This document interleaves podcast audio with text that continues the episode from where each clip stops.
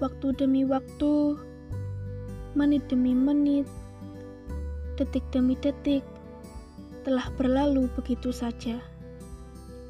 Tidak terasa ya, yang terkadang kita masih terlena dengan nikmatnya rebahan di pagi hari.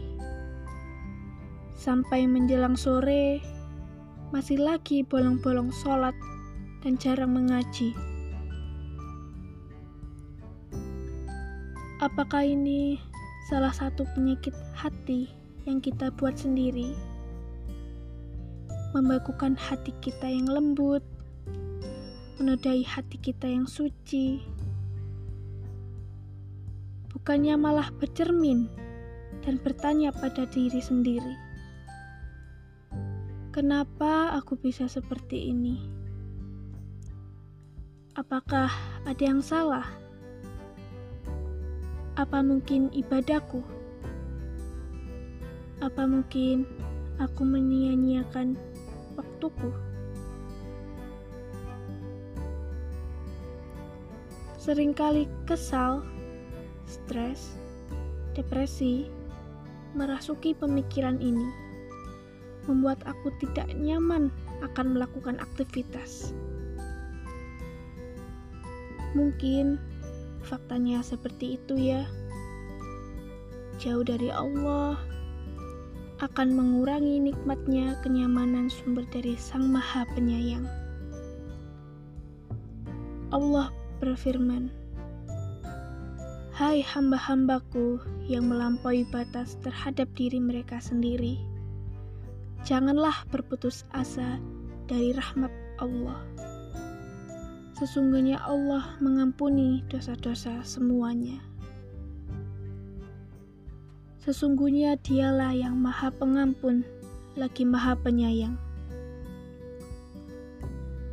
Allah punya rencana yang lebih baik dari sekarang. Mungkin kita perlu merangkak, berjalan, dan berlari yang semakin kita ingin tahu, belajar, dan belajar. Allah akan memudahkan menemukan kenikmatan sejatinya pada ibadah dan cinta kepada Allah. Dunia memang dibentuk ada awalnya, dan pasti juga ada akhirnya. Kita hanya manusia biasa, tidak tahu kapan akan sirnanya.